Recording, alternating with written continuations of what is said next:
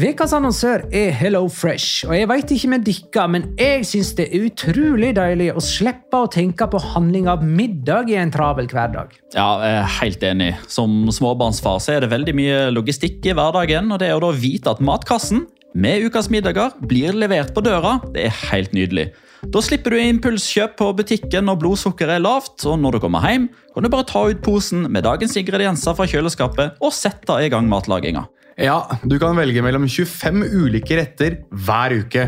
Og de har faktisk en egen kategori som heter Raskt og enkelt, med masse enkle og gode oppskrifter. Veldig greit å ikke måtte ty til takeaway hver gang det er hektisk på jobb. Jeg gleder meg spesielt til sterk chilikylling i min neste kasse. Jeg blir sulten bare av å tenke på det. Ja, Det er ikke feil med bacon og cheeseburger heller, da. Og det som også er bra, er at matkassen koster det samme hver uke, som gjør det enklere å holde matbudsjettet. Ja, og så blir det ikke matsvinn heller, fordi du får akkurat det du trenger til hver eneste rett.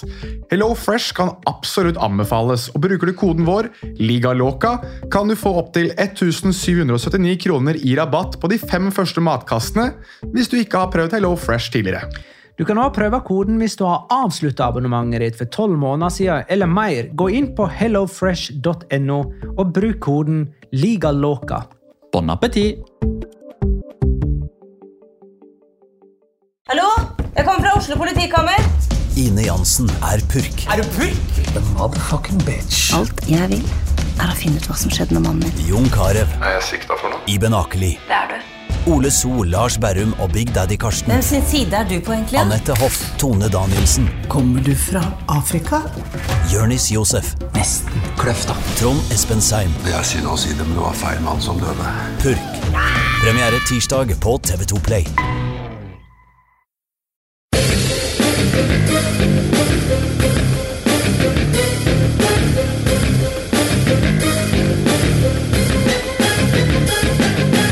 Har du sett? Norsk media hyller Norge sin 1-1-seier over Spania og ser konturene av det som skal bli et kjempegodt landslag i framtiden. Spansk media depper over 1-1-tapet mot Norge og mimrer tilbake til fortidens kjempegode landslag. Vi tar ei jubeløl med Norge og ei gravøl for Spania. La liga loca. En litt gærnere fotball. Ja, ja, ja. Dette er La Liga Loca, episode 87 av det ordinære slaget, med meg, Magnar Kvalvik, hei. Og Jonas Giæver, hei. Buenos dias. Og Petter Veland, hei. Skål! Skål. Hva som skjer til helga, gutta? Er dere ferdig pakka og klare til avreise? Nei, pakkinga er torsdag morgen, det. Vi reiser torsdag klokka ett. Ja. Og da, hva som skjer da? Nei, da eh, blir det jo en eh, sosialantropologisk studie av en gjeng med fjellaper som skal ned og se litt ball i Baskaland. Mm. Ikke noe jobb, bare digg. Ja, det er eh, første gangen jeg drar på fotballtur uten å måtte jobbe siden sist gang jeg var i Spania med Petter Vel. Uh, jobbet jo litt grann da òg, uh, Ja, da, var, ja. Ja, da reiste vi jo ned pga. jobb. ja, for så vidt. Men, så ikke noe kamp, da. Sånn Dette er en slags årlig tur, det. Eh, ja, Jeg ja, årlig eller to ganger i året, alt ettersom.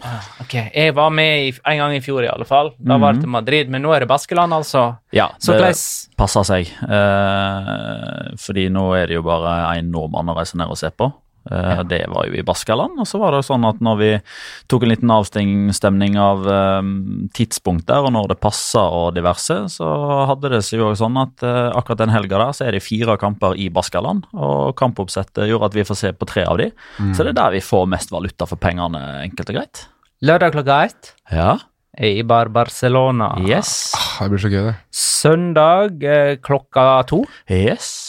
Real Sociedad, Real Betis. Mhm. Søndag klokka 18.30. Mhm. Atletic Klubb, Real Valladolid. Ja. Ja. Tre kamper, da. Ja. Deilig, det. Jeg gleder meg utrolig til å dra på Ipporoa, kjenner jeg. Jeg vet ikke hvorfor, men det er bare no, noe ved meg som bare syns det virker som en utrolig kul stadion å bare ha besøkt. For du har ikke vært der? Aldri vært der, aldri vært der, aldri vært på San Mames heller, så det blir jo to uh, kjempemorsomme stadioner for meg å besøke. Jeg har ikke vært på Anueta etter at eh, det ble helt nytt. Jeg har heller ikke vært på kamp etter at det ble nytt. Så jeg har bare tatt buss forbi, faktisk. Mm, jeg har vært på kamp der etter at det ble nytt. Jeg har kun vært på kamp der etter at det ble nytt, faktisk. Hadde ikke vært der før. Så jeg har ikke vært der da det var løpebane, men jeg har vært der i etterkant. Jeg har ikke vært i Oppdal heller før.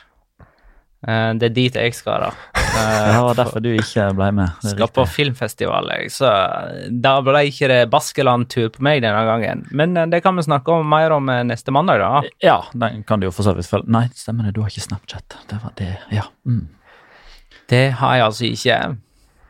Eh, det vi skal snakke om denne episoden av La Liga Loca, må jo nesten bli eh, kampen mellom Norge og Spania. Jeg tror vi skal prøve å se litt på kampen mellom Sverige og Spania òg, selv om vi ikke har sett kampen. da. Men vi kan jo late som vi har gjort det, og så prøve å være aktuelle til onsdagsmorgen. Eh, men eh, det får vi Ja. Og så har vi et drømmelag vi skal sette sammen. Ja. Det, det har vi faktisk. Ja, det, ja, det er jo, det er jo et drømmelag, eh, men Et med slags kriterier. da. Med visse begrensninger. Ja. Inspirert faktisk av noen av spørsmålene vi har fått, selv om vi ikke har fått akkurat den konkrete oppfordringen. da. Men skal vi Og så- og så tror jeg vi skal se litt på Segunda òg. Der skjer, der skjer det eh, rare moroting. Skal vi begynne med Norge-Spania 1-1? Eh, det er mulig jeg overdriver i introen eh, når det gjelder Spania og dette med gravøl der, men hyllesten av Norge i Norge, den er ikke overdriven. Ja, det er den ikke overhodet. Altså, jeg har gått gjennom den kampen et par ganger og sett den også i opptak, bare for å Noen ganger så føler jeg at øynene mine lyver litt. Eh, men jeg har sett kampen en gang til. Jeg synes Norge hadde fortjent å vinne den kampen. Jeg synes Norge var best. Jeg synes at Spania har kontroll første 15-20, og det begynner å se ut at det kan være et nivåforskjell. Og så bestemmer Norge seg bare for å stå litt høyere i banen, bestemmer seg for å trykke litt hardere, og så har de kontroll i store deler av slutten av den, eh, av den første omgangen, og egentlig også majoriteten av andre omgang. Ja, Spania får den tidlige skåringen sin i andre omgang, men ellers syns jeg Norge er eksemplariske. altså. Jeg syns det var gøy å se Norge. Den morsomste kampen jeg tror jeg noensinne har vært på og sett på Ullevål. Med unntak av Kroatia, kanskje, da Norge vant 2-0. Da var jeg også der. Men uh, for de som snakket om blant annet meg, som mente at man kunne se konturene av en mulig Tyskland-kamp på ny, der Norge vel tapte 0-6 eller 0-5 eller hva det ble til slutt. Nei, ass, det er et landslag som virkelig uh, begynner å vokse og ser ut som det har blitt en, en god del år eldre enn det de var den gangen der. Jeg eh, husker Vi var jo på kampen, og jeg husker jeg sa til Petter på stillingen 1-0 til Spania, og det begynte begynt å bli oppheta og ampert og mye jaging fra Norge, at nå blir det snart 2-0 til Spania, for nå er Norge opphissa, og da klarer ikke de å samle holde fokus. Men det var jo Så feil kunne jeg ta. Ja, men det var jo ikke langt. Ja, men det var, ja, men det var deilig eh, som Norge-patriot å se at eh, den opphisselsen og den eh, Hva skal jeg si? da, Det at det går litt sånn At det går litt varmt i dem, det faktisk eh, slår positivt ja, ut. ja, ja, Eh, bevares. Jeg prøver bare å eh, beholde eh, store deler av din eh, jeg håper å si, integritet ved å poengtere at ikke mange minuttene etter det så smalt det jo i stolpen, så det var ikke langt unna at det ble ja, 0-2. stemmer. Fabian, Fabian hadde vel hadde jo faktisk to. to. i stolpen etter det, Så- tenker jeg. Faktisk. Ja, han hadde jo en i tverrleggeren òg. Men eh, ja, til dels enig med, med Jonas. Altså At Norge kom tilbake igjen og tok poeng, var jo ingenting å si på. Eh, altså kan vi sikkert diskutere langt i det, bare hvem som per se eventuelt hadde fortjent å vinne en kamp hvis den kampen skulle hatt en vinner. Eh, men utrolig deilig å se et landslag som aldri gir opp. Eh, og som til tross for eh, jeg vil si både to, kanskje tre og sånne mentale smeller reiser seg. For jeg synes, altså, Selv om det aldri gir seg utslag i målprotokollen, de første 10-15 minuttene er ofte en sånn type 10-15 minutters periode som ofte tar knekken på lagmoralen i et lag og tenker ok, greit, det blir en sånn kamp, ja. Mm. Men heldigvis så klarer jo ikke Spania å materialisere det overtaket de har de første 10-15 minuttene i noe mer enn en stor nesten-sjanse. Mm. Akkurat i den situasjonen der Nordtveit eh, får, eh, får vondt i ribbeina, eh, og man får et lite, lite opphold i spillet. Man får liksom samla tankene sine. Der syns jeg den eh, mentale eh, Eller det mentale kollektivet viser seg først der. For derfra ut så overtar Norge i den første omgangen.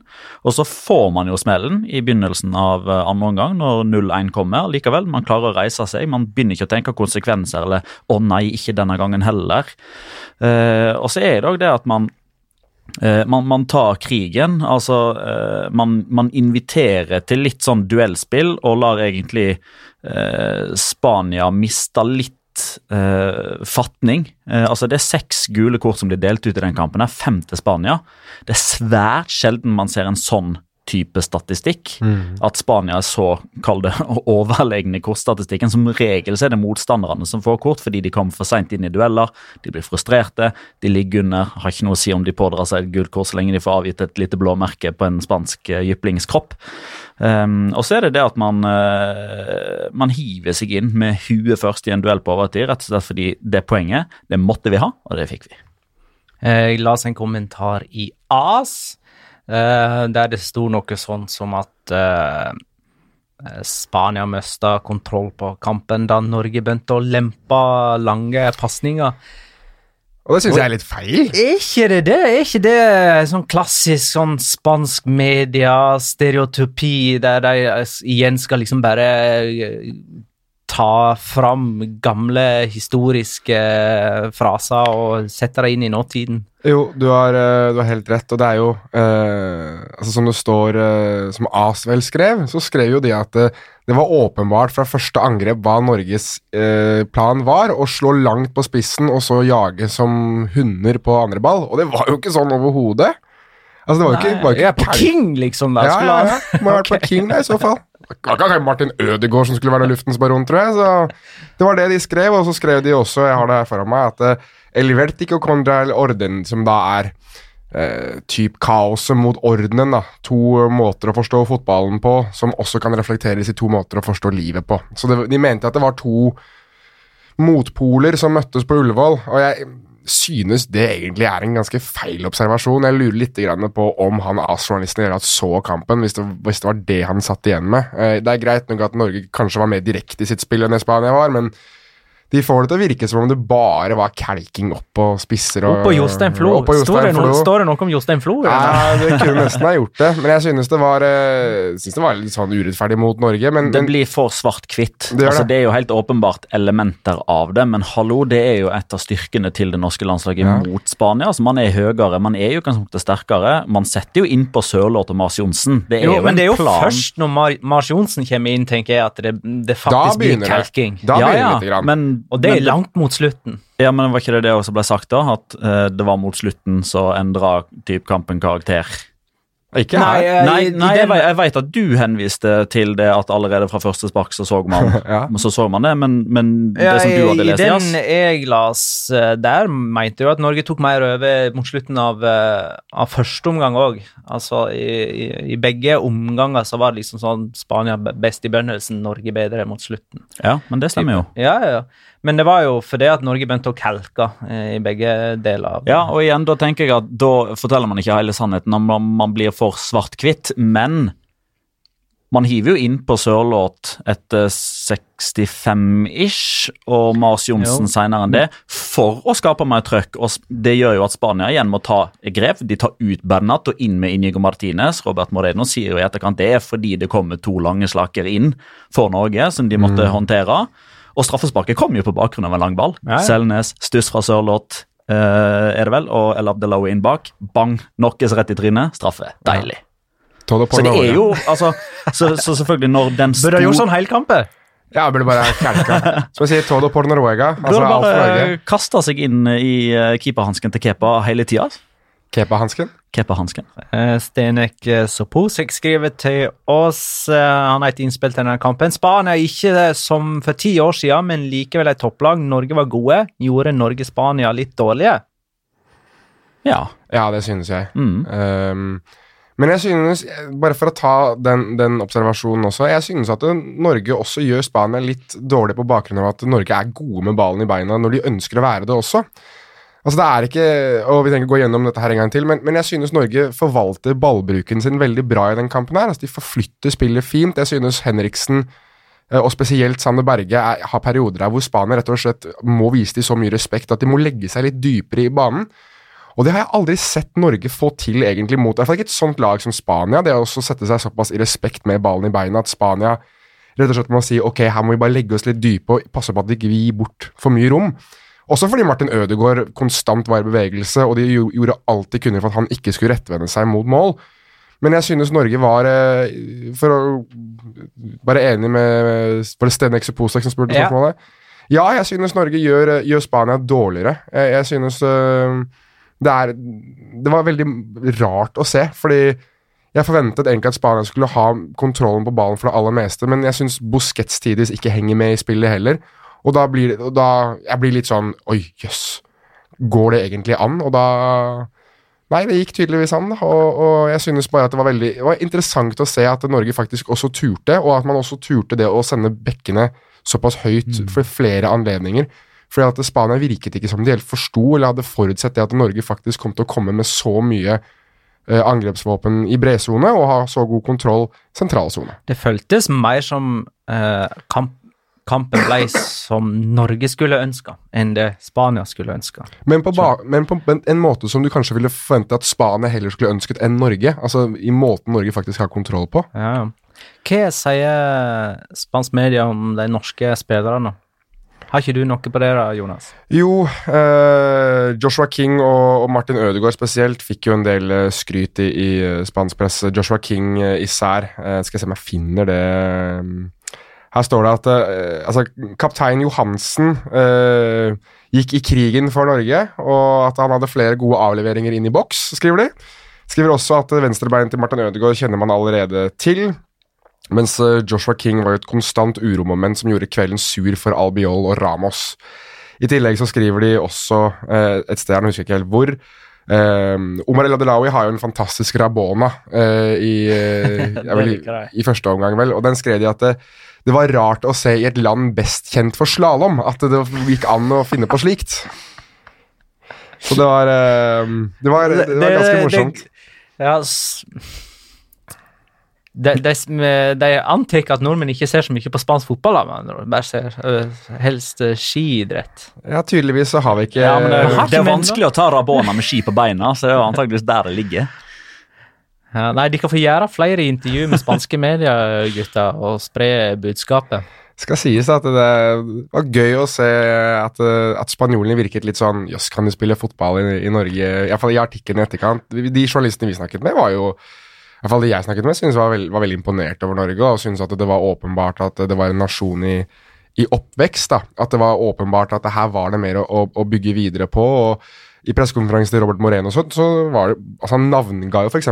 Haaland, eh, som ikke engang var i troppen. altså De hadde sikkert finstudert han inn mot kampen og var sikkert litt hadde en del respekt for ham. Så det er tydelig at det, man begynner å legge mer og mer merke til det at Norge er på vei oppover, i hvert fall i Europa. da. Jon B spør jeg, hva mener dere er Spanias svakeste lagdel? Sjøl, hvis han kan få påstå først, får dere kan svare Han mener det er angrepet, der eh, det, er ikke, det er ikke sammenlignbart nesten med f.eks. Frankrike. Uh, mens de òg er svake i forsvar og ikke klarer å finne en, en god nok partner for Ramos etter at uh, Piquet forsvant. Jeg har sett en sånn liste over hvor mange uh, partnere uh, Ramos har hatt siden Piquet forsvant. Det er ganske mange, tror jeg. Det var Injo Martinez, iallfall. Raúl Albiol. Hermoso. Hvem er det jeg Diego? Llorente. Diego Llorente. Nacho. Unai Núñez. Ja, Han har spilt én kamp, han òg. Spilt, Men kanskje de ikke men spilte sammen? spilte ikke de sammen. Men det kan Nei. godt hende. Det kan godt hende.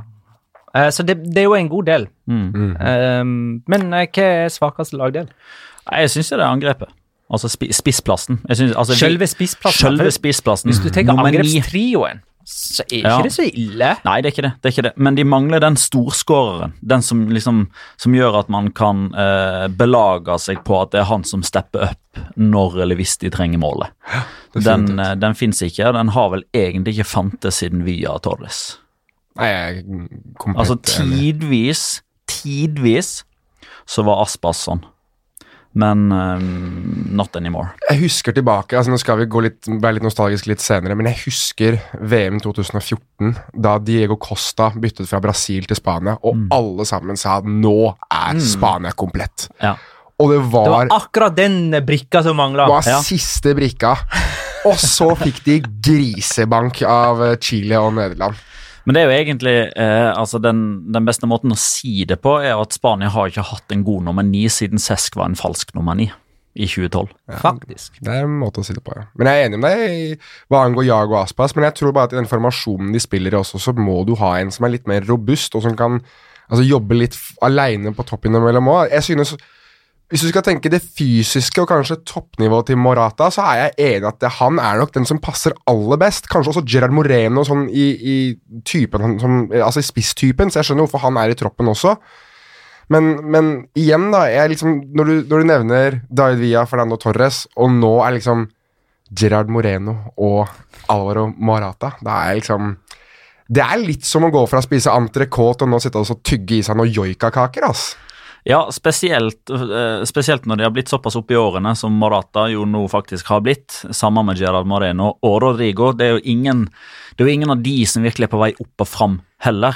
Fordi, altså, skrur man eh, Nå har jeg ikke disse tallene i hodet, men la, la oss si 2005-ish, da. Altså 15 år tilbake inn i tid. Da var det sikkert veldig mange som da tenkte sånn «Ah, Se på de spissene vi har her, da. Altså Torres og Via. Ja, de kan sikkert bli helt ok, men hva er dette her for noe? Men de var jo yngre, da. Ja, nettopp. Ja, ja ok. Ja, Det er det som er poenget ditt? Poenget mitt her er Ja. at eh, de spissene som Spania har nå, som man på mange måter håper Ja, skal plukke opp stafettpinnen, er jo allerede forbi, langt forbi det stadiet Via og Torres var på for 15 år siden. Men ta to av de som ikke er med, da. Morata og Paco Alcácer.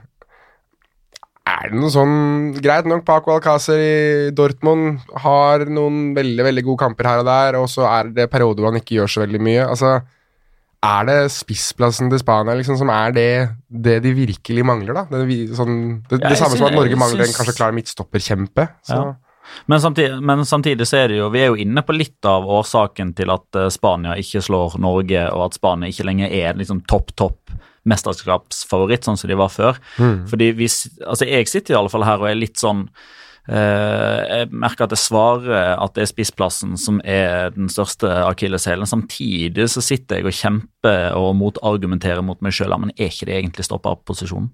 Eh, for det er ikke bare én akilleshæl eh, i hermetegn. Det det er liksom flere posisjoner som eh, Og høyrebekken òg. Altså, Carvajal er ikke i nærheten av å være der han var for fire-fem år siden. Og Navas han legger opp om et år eller to.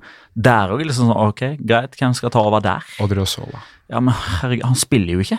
Nei, men når han begynner å spille, så er han det beste alternativet. Sigurd Otto Strøm spør hvor sultne er Spania på revansj etter Norgekampen, og eh, hvor mye har det resultatet å si når de møter Sverige? Er de sultne på å bevise at de er bedre enn det de var imot Norge? For, for Norge sin del, Mhm. bare sånn at det er klart, da, så er det uhyre viktig at Spania slår Sverige. Det er det. Og det jeg får ut ifra Norge-Spania eh, med norske øyne inn mot neste Spania-kamp, det er én positiv ting og det er en negativ ting. Den, eh, den positive tingen er jo at Sergio Ramos pådrar seg karantene. Han spiller ikke mot Sverige. Så da har ikke du ett stoppa problem, du har to. Du har to. Du har et enormt stopperproblem. Og vet du hvem som kommer til å spille? Pau Torres. Nettopp, for det snakket jo Robert Moreno om, at eh, han muligens ville prøve Albiol og, og Ja, Pau Torres sammen. Fordi de er samspill fra tidligere av Ja. og slipper inn 14 mål på åtte kamper i ligaen. Eh, fest for Forsberget. Han skal Den- spille, eller? Den negative eh, er jo at eh, Spania eh, som land og fotballnasjon og alle spanske spillere hater å avgi poeng. Det er ikke de vant til. Det skal ikke være de eh, håper jeg, i hermetegn eh, verdig. Det gjør at i og med at de tapte poeng nå, eh, så vil de ikke eh, gjøre det på nytt. Og det å gå to landskamper, altså gå en hel landskampperiode med to kamper uten å vinne, hører de ekstreme sjeldenheter til når det gjelder Spania. Så sånn statistisk sett så skal Spania slå Sverige. Og de må, for å sikre uh, EM-plassen i denne kampen, så må de vinne. Altså Hvis de spiller uavgjort, så er jo ikke plassen sikra ennå. Men det er jo fortsatt to runder igjen, og de vil jo de vil være frampå før med fem poeng. Er de ikke sikra da? Jeg mener jeg leste i spansk presse Jo da, at det de ble- er sikra med uavgjort hvis Ja. Romania og Norge spiller uavgjort. ah, ok, så de, de er Jo, for pokker, det er jo, eh, det er jo ned på tredjeplass. Jeg tenkte det er fem poeng framfor Sverige. Så de er, ok, men de er avhengig av at Norge tar poeng mot Romania, og så selv tar poeng mot Sverige, og så er de klare. Ja. Jo, og, nei, ja. men jeg har gjort det massevis. Tenkte jo bare på førsteplassen her nå. Men de møter jo et lag, et Sverige-lag hvis, som hvis Romania slår Norge, og Spania spiller uavgjort mot Sverige, Da er de ikke Nei, nei. 100 klare. Men de møter jo altså Spania Sverige er jo tilnærma litt like Norge i spillestil òg, så du skal ikke se bort fra at de sliter litt der òg. Friends Arena Sverige er kanskje mer samspilte. Men skal vi se på hvem som kommer inn, da? Nå har vi sagt Pau Torres. Blir det ved siden av Raúl Albiol, eller? Ja. Som vel får godkjent, jeg kjenner. Jeg synes eh, Albiol var beste spanjol. Han fikk eh, I Marca fikk han eh, én stjerne. Eh, Den som fikk eh, flest stjerner, var eh, Fabian Ruiz, som fikk tre. Ja. Jeg vet ikke helt om jeg er enig der, men ok. Nei, nei, men Tre stjerner er jo det høyeste du kan få. Jeg syns ikke noen spanske spillere spilte til topp. karakter. Ingen uh, nordmenn fikk det. Uh, og Haitham det var- fikk én stjerne, som jeg syns er helt bak mål. så Marca hadde Fabian uh, som banas beste, da. Ja, de hadde, skal vi se Én, to, tre, fire, fem, seks nordmenn hadde to stjerner, mens én, to, tre, eh, fire med Fabian spanjoler hadde to stjerner eller mer. Og de, to, de som hadde to stjerner da, var Jesus Navas, eh, Jean Bernat og Saul. Uh, Thiago inn Ja. mot Sverige. Ja. Uh, på spissplass Jeg tror ikke Jeg tror ikke Jedam, jeg tror eh, Rodrigo starter igjen. Jeg. Ja, okay. Tror jeg jo. Ceballos skal ut. Det så jo ut som Oyar Sabal var spiss, da. Mot Norge. Altså, det var han som gikk først i press. Tror du bytta mye på Ja, jeg gjorde Ja, men, det var, men ja, men den, den var jo litt, den var jo litt skeiv, den varianten de spilte, fordi Ceballos eh, i utgangspunktet starta jo bredt. Altså han ble plassert som ving på en grafisk lineup i 4-3-3, men han, Mm. han, han løper jo inn sentralt så fort han har muligheten. Ja. Altså eh, Ja, inn. Pau Torres, Thiago Ja, vi får se da om de kjører samme, samme varianten om eh, De Gea og Kepa for én kamp hver. Ikke sant? Eh, Mm. David Fjellheim eh, har jo den Kepa versus De Gea. For Spania, Kepa, generelt Nå eh, De tuller, jo, nå tuller jo Kepa det til òg. Ja, lagde jo straffesparket. Ja Det var klønete, altså. Ja, jeg er enig i at det er klønete, men hva skal han gjøre? Liksom? Blir stående. Synes du det? Mhm. Og la ballen falle ned til Omar der? som Eller lese den der stussen tidligere, og så Ja. komme ut tidligere enn være på Ja, plass. jeg synes, det, er, det, er, det er en keepertabbe, men ikke så stor, egentlig. Syns jeg. nei, men det har jo ikke De Gea hatt heller, vel. Eller hadde han en kjempetabbe kanskje under VM? Under VM, ja. Da hadde han jo par. Da hadde han jo blant annet skuddet Cristiano Ronaldo.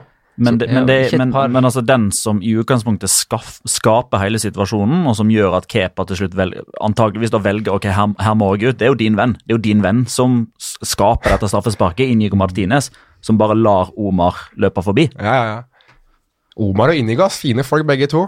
Liker dem begge. Så Bernat og Navas på, beg på bekkene Skal vel ikke se bort ifra at Regilon kan få debuten Ja. sin? Ja, Det på tror jeg. venstre, for Bernat var ikke noe særlig. Nei, han var, Det var han faktisk ganske ikke. middels. Mm. Men det kan være Jeg, jeg velger å tro at det kanskje Jeg tror at Gerard Moreno muligens kan få en debut her, fordi han er mer et, et klart oppspillspunkt enn det Jeg tror han kan få debut, men jeg tror ikke han fra, starter. fra start. Jeg tr kan forestille meg at det skjer. Ok, ja, ja. Nei, det ble litt uh, rotete, dette her. Vi Men skal vi bare ta, ta, ta elveren vi tror starter, da? Ja. Og så kan vi bli ledd av etterpå? Ja, kjapt. Jeg tror Kepa fortsatt står. Ja. Enig. Na Carvajal, tror jeg. Mm. Og Albiol Pau Torres. Ja. Regilon. Ja. Tiago. Ja. Rodri. Ja. Fabian. Ja. Uh, Oyar Sabal. Ja. Rodrigo. Ja. Og sistemann, da? Sarabia. Ja, Ja. Sarabia. ja. Seks endringer har vi kommet fram til, da. Ja, jeg har ikke alle de. Jeg har Rodrigo Nei, uh, Gerard Moreno uh, istedenfor Ja, Rodrigo. Så har sju, du, da. fortsatt uh, ja, jeg har sju endringer, jeg. Ja, istedenfor Rodrigo, ja. Ja. Men med Sarabia. Så Ja, hvorfor ikke? Sju har du. Jeg og Petter uh, landa på Eller jeg, jeg aner jo egentlig ikke. Så seks-sju endringer, spår vi. Den er grei. Nå eh, var det jo sånn at eh, Spania stilte altså med eh, en elver der eh, hver spiller representerte en unik klubb, for å si det sånn. da. Det var elleve ulike klubber som var representert i startelveren til Spania på Ullevål. Og det er første gang i historien. Og det fant vi ut vi måtte leke oss litt med. ved å sette sammen en drømmeelver av spanske legender i vår levetid som, har, som representerer hver sin klubb. Det vil si, eh, vi kan f.eks. ikke sette Xavi og Iniesta på dette laget her, for de representerte Barcelona. Og så har vi valgt eh, alle, at alle spillere har en slags hovedklubb, selv om de har vært Mhm. innom flere klubber. Så Mm. Ramos, eksempel, har sin klubb er og var eh, Real Madrid, selv om han har vært innom Sevilla, Ja. eller starta der. Subisareta, sånne ting. Og så er det viktig, Atletico Barcelona. som du sier, i vår levetid, så Samora og Telmo Sara og sånn Pichichi og Pichichi, de, de kommer ikke med. Nei, hva blir vår levetid? Det, det blir jo fra din, ditt fødselsår, da, Jonas.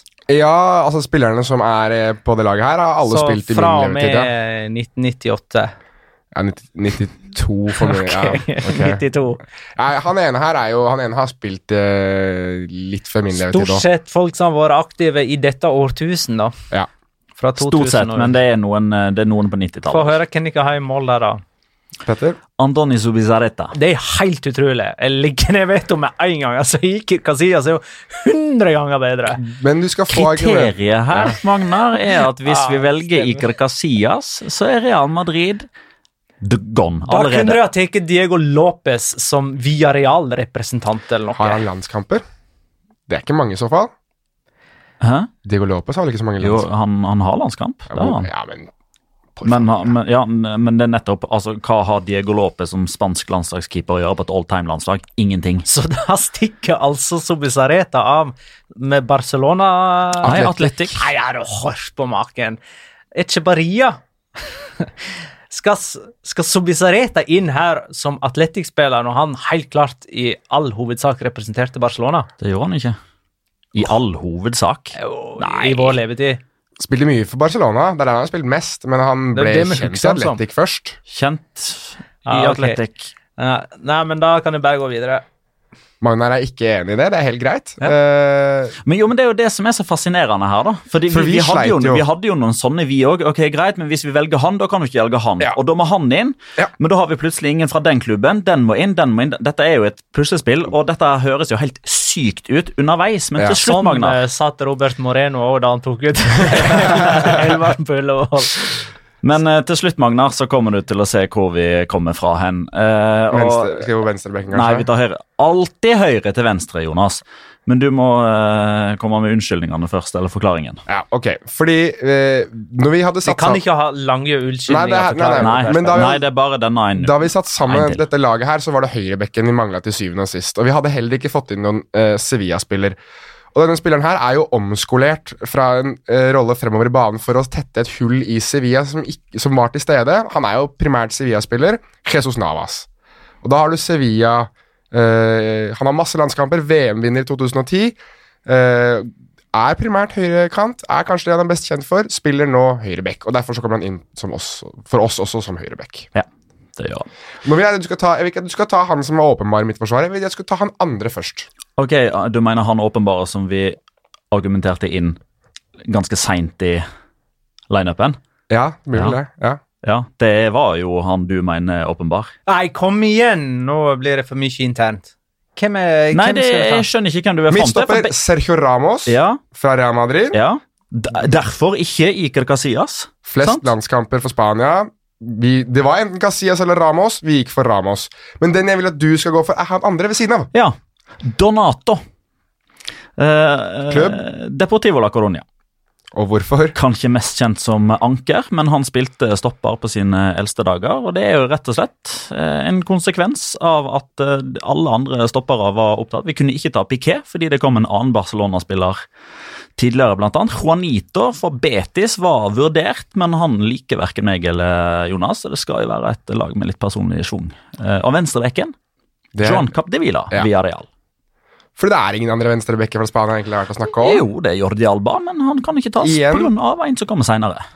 Men kommer- Captivilla er jo helt fin. Capdevila er fin, og, men den Barcelona-spilleren vi har valgt da, er jo Andres Iniesta. Ja. Som den ene in- indreløperen.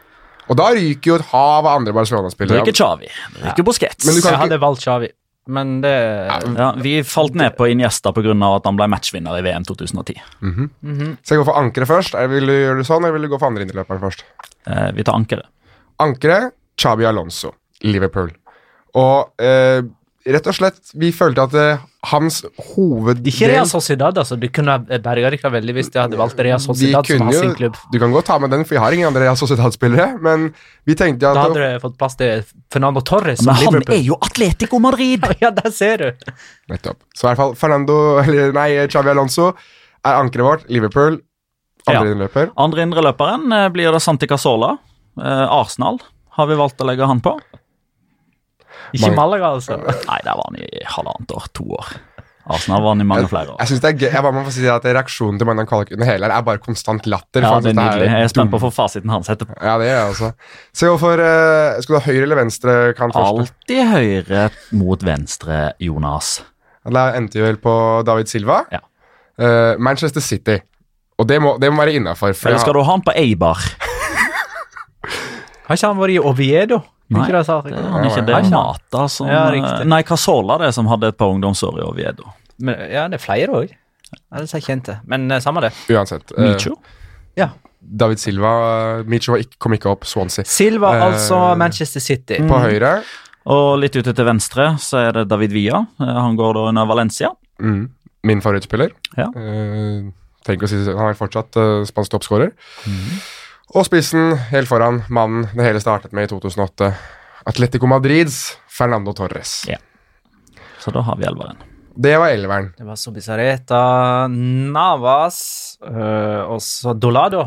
Donato. Donato, mener jeg. Uh, og Det er helt enig med meg, for jeg husker han knapt selv av oss. Det er helt greit. Nei, nei. Det blir mer om han. Gjør det? Eh, og hvem var makken? Uh, nei, det er jo han med flest landskamper gjennom tidene, da. Jo, Ramos. Ja. Og Villa. Jeg har glemt den midtbanen. Eh, det var Iniesta, Ja. Alonso ja. og Verdens minste Cazorla. ja. Og så Silva, Villa og Torres. Ja. Det er jo, eh, altså Den eh, angrepstrioen er jo ingenting å si på. Nei. Egentlig ikke midtbane heller, selv om Casorla Hvorfor ikke Marco Senna, liksom? Fordi da måtte ja, nei, Capdevilla ut. ut. da, ja. Hvem skal sette inn Nei, men det er bra. Uh, vi må ta et spørsmål her. Hvis det kunne Han Geir Halvor Kleiva ja. uh. Eh, Hvis det kunne hentet Dette var Geir Halvor Kleiva. Ja, ja. Uh, de kan snakke Hvis det kunne hente tilbake tre spillere i sin prime til det spanske landslaget, hvem ville dere ha hatt med da? Eh, ja, vi kunne ha kjørt den samme greia med det norske landslaget, sier han. Men uh, ok, hvem da? Xavi Iniesta. og Via hadde jeg tatt. Jeg Ja. tenker Puyol. Jeg tenker Barcelona-trio. ja. Nei, jeg Chavi, Iniesta og Via på meg også, faktisk. Rett og slett. Og Norge, da? Ja, Um, den er vrien. Karev. Karev. Uh, Riise. Karev og Riise, ja. Med på de to. Myggen. jeg har jo tenkt på Myggen, altså. Det gjorde jeg. Eh, Nei, eh, Jostein Flo. Du ta Myggen og Rune Bratseth.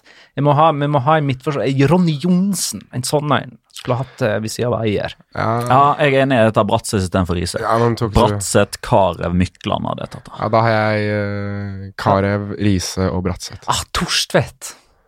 En, en, en, solid eh, Jo, han er eh, grei, men jeg syns den ballen slapp mellom fingrene på han nå eh, på Ullevål. Ja, den men- straffen han lagde på Mesteia. Men norske keepere, liksom. Det er død skatt på norske keepere som driter seg ut. Torstvedt var heller ikke den beste på utrustninga.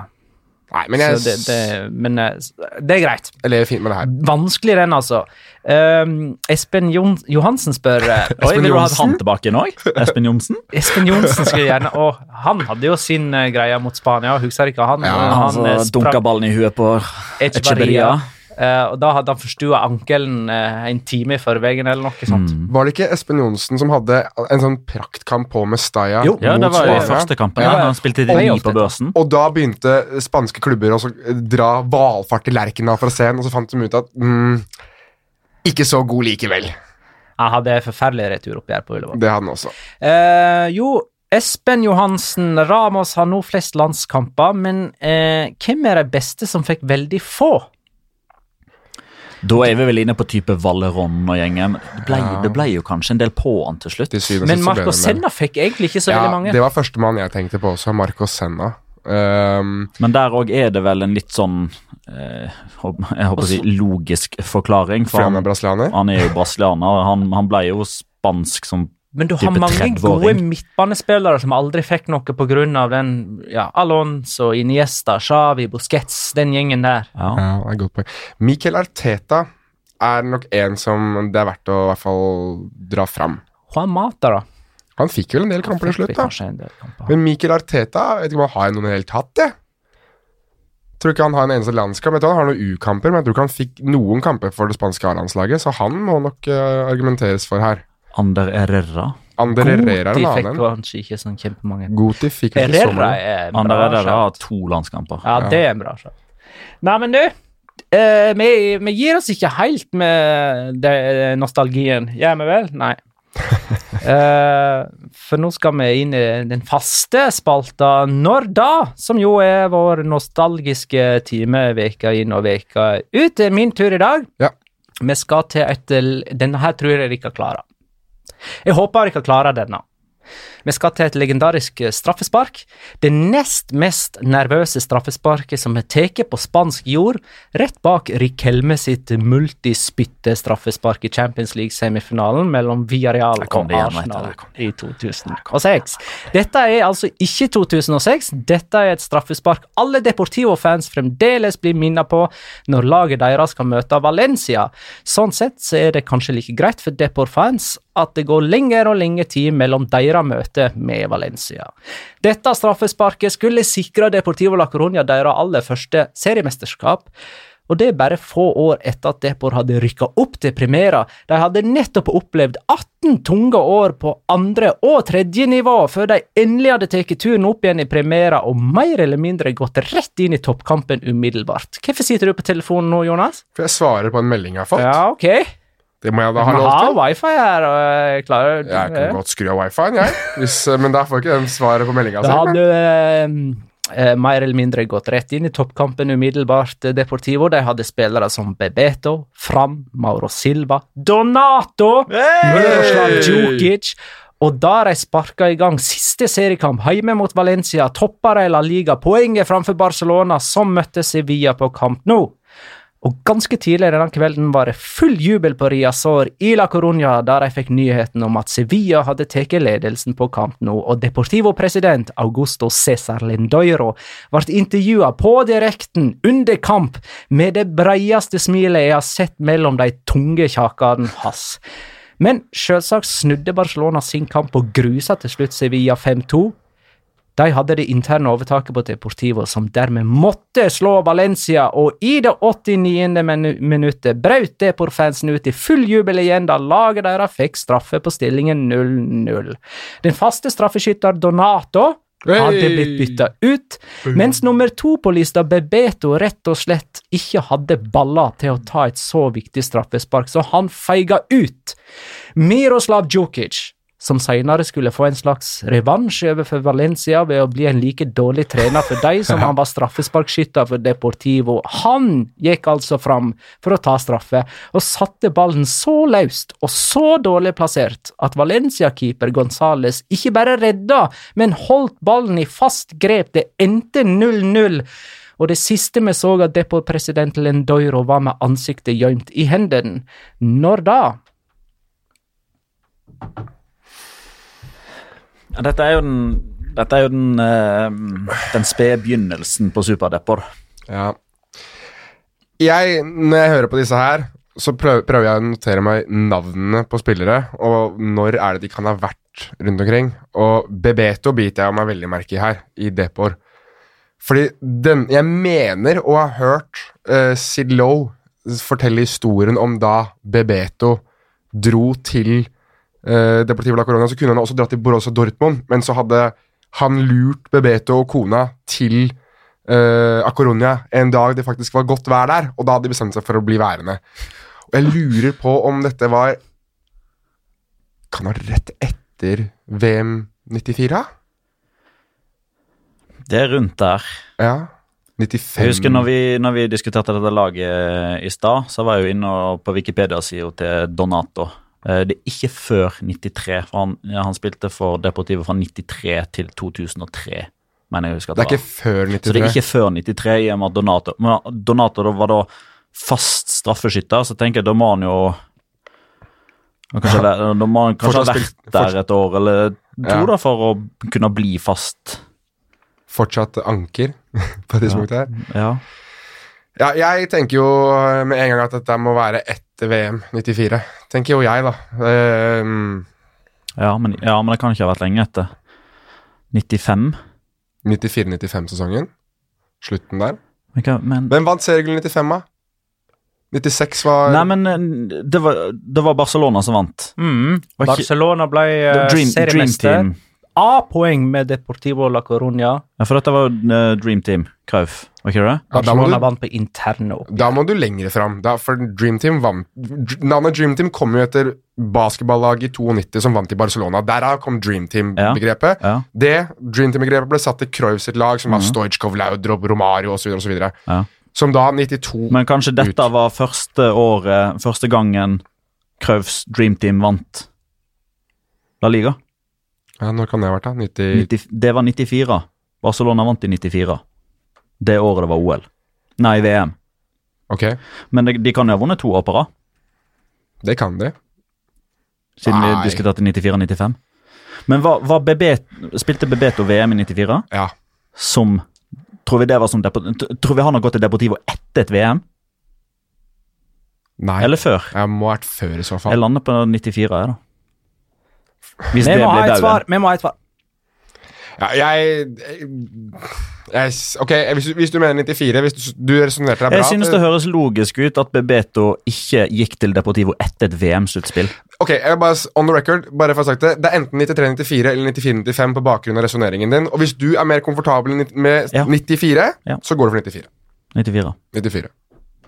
Det er riktig. Det var i 1994. Men vant ikke Barcelona mange år på rad under uh, Cruyff, da? Jo, men jeg lurer på om dette var det første.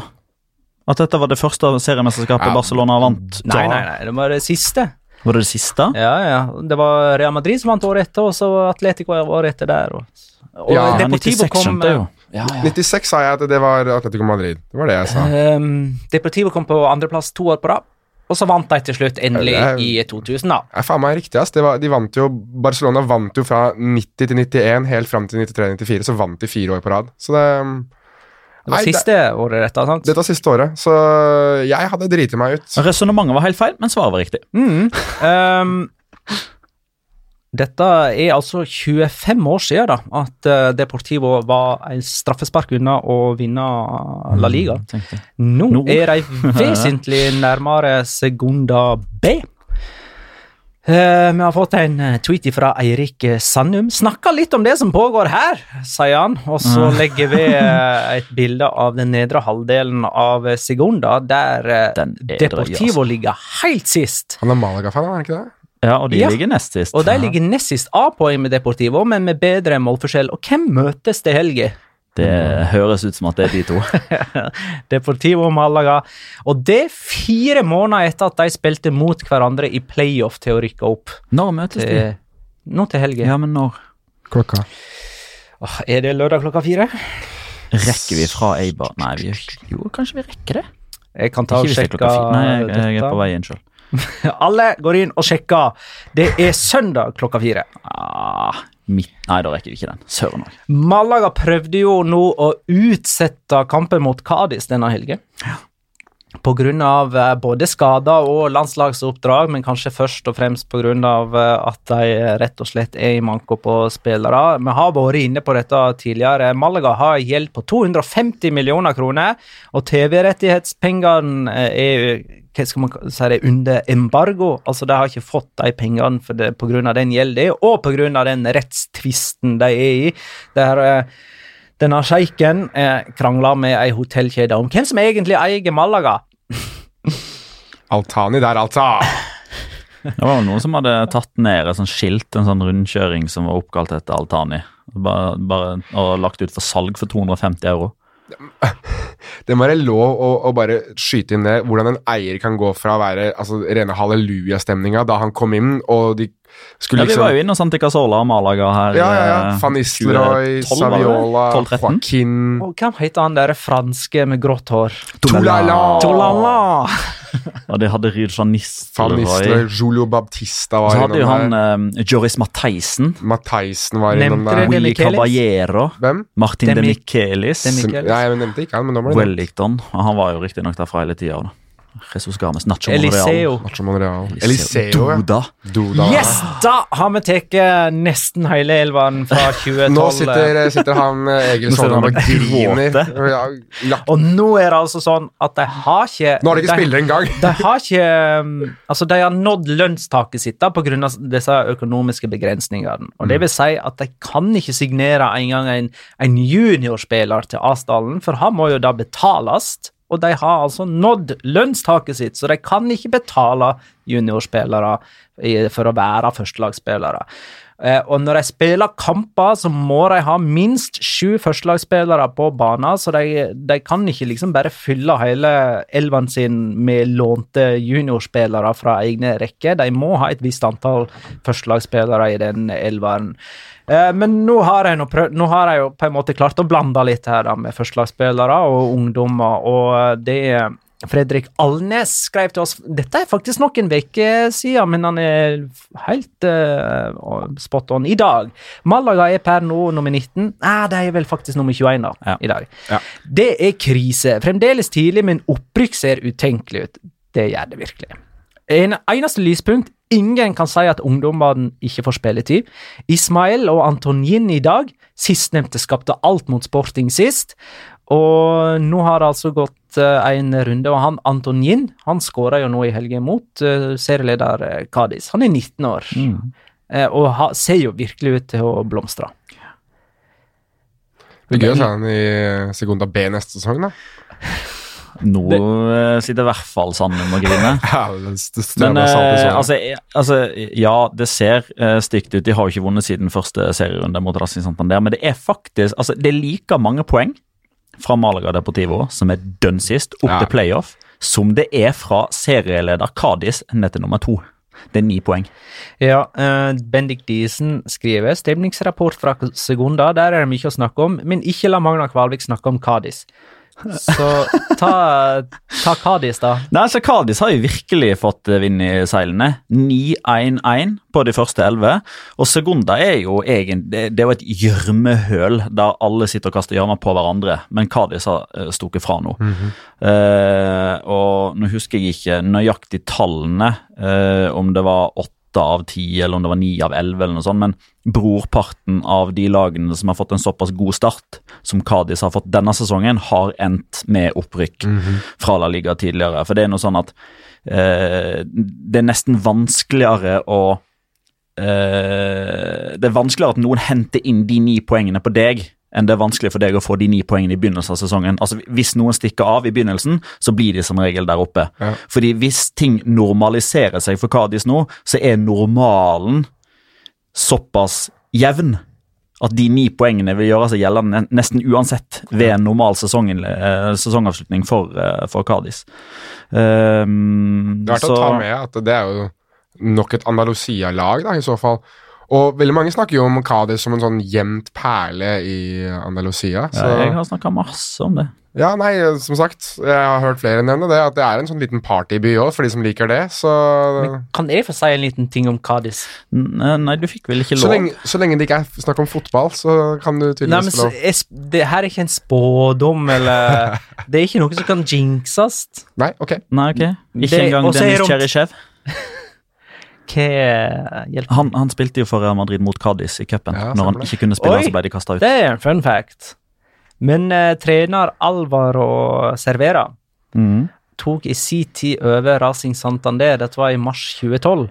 Eh, og dette var jo da de var eh, styrt av en eh, Ja, bajas av Ali Syed. Ali Syed, ja. Interpol Ali. Og, og eh, Interpol Ali. ja, ja, nemlig. Alvaro Servera skulle jo på en måte redde Racing Santander fra nedrykk. Eh, og klarte altså bare tre uavgjort på 13 kamper og ble med det tidenes dårligste trenerdebutant i La Liga. Og han har ikke vært der siden. Tenk å komme opp med Cádiz og få den revansjen. Ja, Eller, eller kom jeg med jinxbart Mattia eller noe. Jeg skulle ikke ha sagt det siste der, kanskje. Men For nå går det rett ned! Men vi må, vi må snakke litt om eh, Las Palmas. eh, og duoen slash trioen Pedri, Viera, Peckart. Mikael Bjerkan skriver Pedri. Bedre enn Fati, bedre enn Arthur, bedre enn de Jong, bedre enn Grismann og bedre enn Dembélé. Ja vel. Jeg vil hevde at det kanskje er en, en, en, en smule adrenalin inni den tweeten der, Den- men han var fantastisk mot Deportivo Den, søndag kveld. den ble tvitra i affekt under kampen etter assist Pedri er altså en 16-åring som Barcelona kjøpte nå 2.9, gjeldende fra og med neste sesong. Så akkurat nå så er han på lån hos eh, Las Palmas under Pepe Mel. For de som lurer på hvor PPML Pepe Mel er, så er han der. Eh, og skriver nye krimromaner. Elsker Eh, Han er jo nydelig, da. Og Pedri har altså Han hadde to målgivende nå mot Deportivo. Mm. Og har tre skåringer fra før på sine ti kamper nå da, til sammen. Ja. Og Jonathan Viera er jo nå omsider eh, spillet klar og i form. Han ble jo leid eh, tilbake fra den kinesiske klubben som eide rettighetene, der han har vært ute med skade en periode. og Så fikk han dispensasjon til å reise tilbake til eh, Las Palmas og pleie skaden der. Og så ble det òg etablert en leieavtale, sånn at han kan spille seg i form fram til den kinesiske serien begynner igjen. Eh, og nå har jo han skåra fire mål, vel, er det på fem kamper. Og de fire siste kampene har de vunnet. Så Las Palmas må jo bare krysse fingrene sine for at han holder eh, den formen ut året. For han skal jo tilbake igjen til Kina ved årsskiftet, og håper at de poengene som Viera og Pedri eh, sikrer de nå, eh, holder til playoff i mai-juni. Eh, siden vi ikke har en runden spiller-kåring denne runden her, eh, kanskje vi skal bare kåre Pedri, da? Så, ja. Det kan vi gjøre. Lykke til. Pedri 16. Det var ikke jeg som kåra han. Hvem var det som kåra han? Det var Det var meg. Ja, det? Så da blir det Jonas neste gang. Nevne at uh, Real Saragossa, som vi fortsatt savner i eh, øverste divisjon, de ligger på tredjeplass med gjør det. 19 poeng. A-poeng med Almeria, som er nummer to. Og Saragossa har altså en hengekamp. De møter Fuenlabrada nå onsdag denne veka her. Mm. Jeg vil bare si eh, at eh, jeg ser at Las Palmas ligger som femteplass, og bare for å ha skutt det inn altså Jeg håper sånn på at de rykker opp. Jeg synes at Las Palmas i La Liga er gøy, altså. Så vi håper på Cádiz, eh, Saragossa, eh, Las Palmas, eh, Oviedo. Eh, det er ganske mange vi håper på. Mirandes. vi kan godt ta med Malaga og Deportivo la Coronia også, Ja, men eh, Oviedo. Ja, de du ble nevnt. skal, Ja. Men uh, var det noe du skulle si? Sånn, eller Nei, utover det? det var egentlig bare det at jeg synes, jeg synes at det er alltid gøy med Las Palmas i La Liga, altså i Primera, fordi det er bare Det er litt sånn eksotisk på en eller annen måte. Og så tror jeg det er veldig mange nordmenn som kan kombinere det å ta seg en tur til Granca med å se fotball. Eh, bare Rayo Vallecano under Paco Hemes. Ja. De har sju uavgjort på sine elleve kamper. Hva har skjedd der? Det er jo, Nei, de strider jo imot alle hans prinsipp å spille uavgjort. Det strider mot hans uh, prinsipp definitivt, men uh, 17-14 i målforskjell betyr jo 31 mål på 11 kamper, så det er jo høyest snitt sånn sett, da. Ok, da har vi kåra rundens spiller og hoppa til Locora! Ukens La Liga Locura. Locura. Locura. Locura. La Liga Locura. Um, jeg kan begynne, jeg. Kjør på. Apropos det der med å hente ballen i, i mål etter scoring. Her kommer en variant jeg faktisk liker. Uh, I oppgjøret mellom Sporting Gijon og Alcorcon der sto det 0-3 til Alcorcon til pause. Og Så skåra i andre omgang Alvaro Vasques, reduserte til 1-3.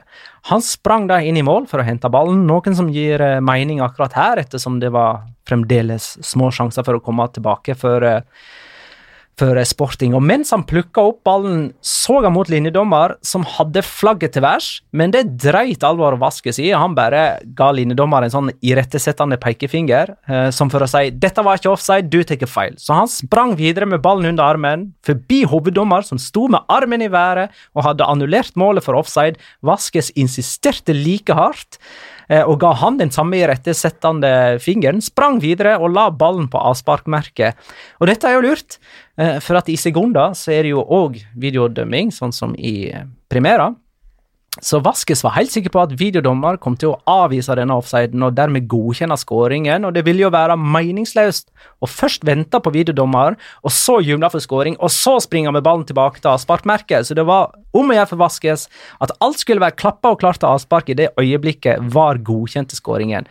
Eh, dessverre for Vaskes og Sporting så godkjente aldri videodommer denne skåringen. Sporting fikk derimot en redusering ett minutt på overtid ved Djordjevic. Da òg sprang Alvor Vaskes inn i målet og henta ballen. Det var litt mer forfengt Eh, Jonas? Ja, nei, jeg vil, eh, Veldig kjedelig, men samtidig veldig gøy. Det å være på, på Ullevål, denne stemninga som var der. Jeg har eh, som sagt ikke opplevd noe så moro på så lang tid, og hele den kampen her var en eneste stor locora i det at jeg trodde det skulle være konstant annerledes. Jeg trodde det skulle være stille, dårlig stemning og Spania som dominerte, men det var eh, ekstremt god stemning og i Norge god, god fatning. Og for å ta en dellokora da, av det her, var jo det at vi satt jo bak eh, noen analysefolk fra Spania. Rett framfor. Eller rett foran, sorry. De satt De, bak oss. had- de satt med kamera bak oss. Og de sendte nok bilder ned til laptopen til Robert Moreno på Spania-benken. Så det å ha en laptop på benken, det får være en liten lokora i seg selv. Tror du at Robert Moreno da innimellom har hørt det bablet vårt? Det lurer jeg på. Det, og jeg jeg sto, satt og tenkte på det, skjønner du! jeg sto og veiva med armene og prøvde å skygge for kameraet, kamera, men det var, det var på et stativ, da. Eh, men det som var litt morsomt med den der riggen, det var jo på en måte det feltbordet de hadde Ja. satt opp. Eh, altså Jeg har jo sett mange sitte med iPad og data på benken, men det var liksom den riggen de hadde som ja. jeg syntes var så oppsiktsvekkende. Og så var jeg litt Jeg trodde faktisk ikke når jeg satt og så på sånne ting, at de satt og så på ting de sjøl filma. Trodde kanskje de så på sendingen eller et eller annet. Men det, og, og Norge hadde jo sitt apparat rett ved sida der igjen og filma kampen òg. Men det var jo en iPad. Altså Norge hadde vel bare en Var de på benken satt vel med iPader, liksom? De hadde en skjerm. Hadde Eh. Lars Lagerbäck så straffen til King på en skjerm. Han så ikke Ja, han. på selve straffen. Det gjorde han. Det kan være det var noe sånn tactical view-opplegg da som Robert Moreno satt og titta på. Det var nok noe sånn ja, Jeg vet ikke hva de heter, disse Infact eller et eller annet sånt. Ja. Interplayer. Eh, min uh, Locora er eh, det toppskårertabellen, eh, hvis det går an å kalle det for det, i, eh, i Segunda eh, for øyeblikket. Um, eh, og det er ikke så veldig gøy at Alfredo Ortonio er der med sju mål, men han deler toppskårertittelen med to andre. Eh, og han ene er jo Christian Stuani.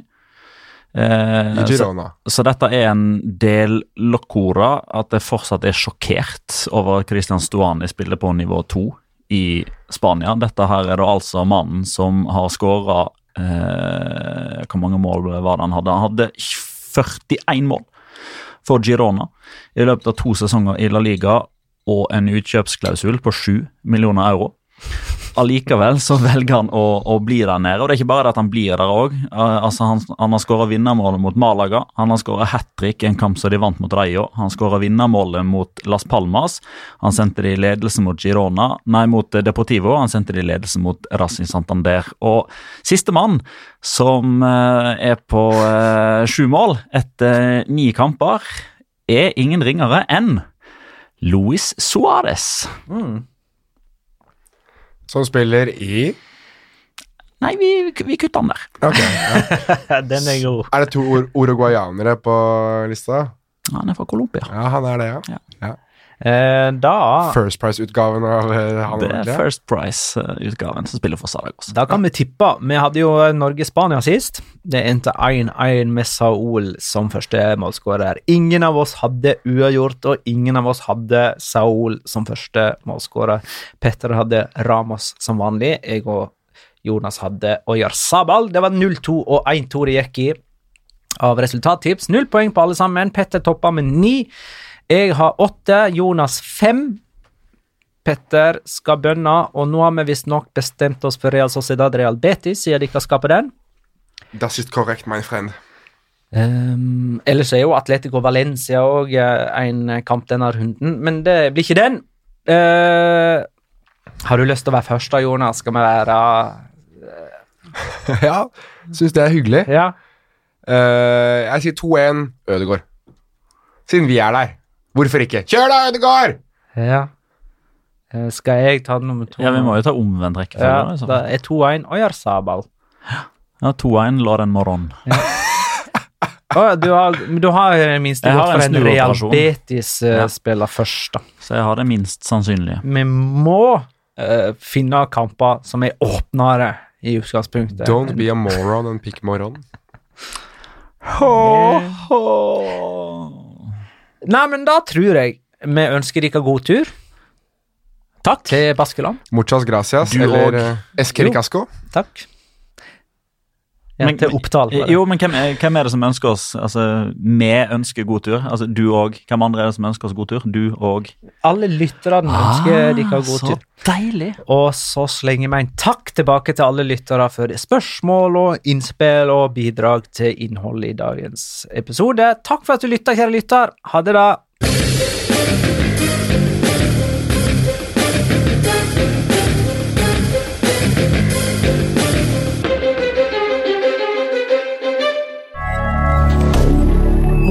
Media. Har du et enkeltpersonforetak eller en liten bedrift?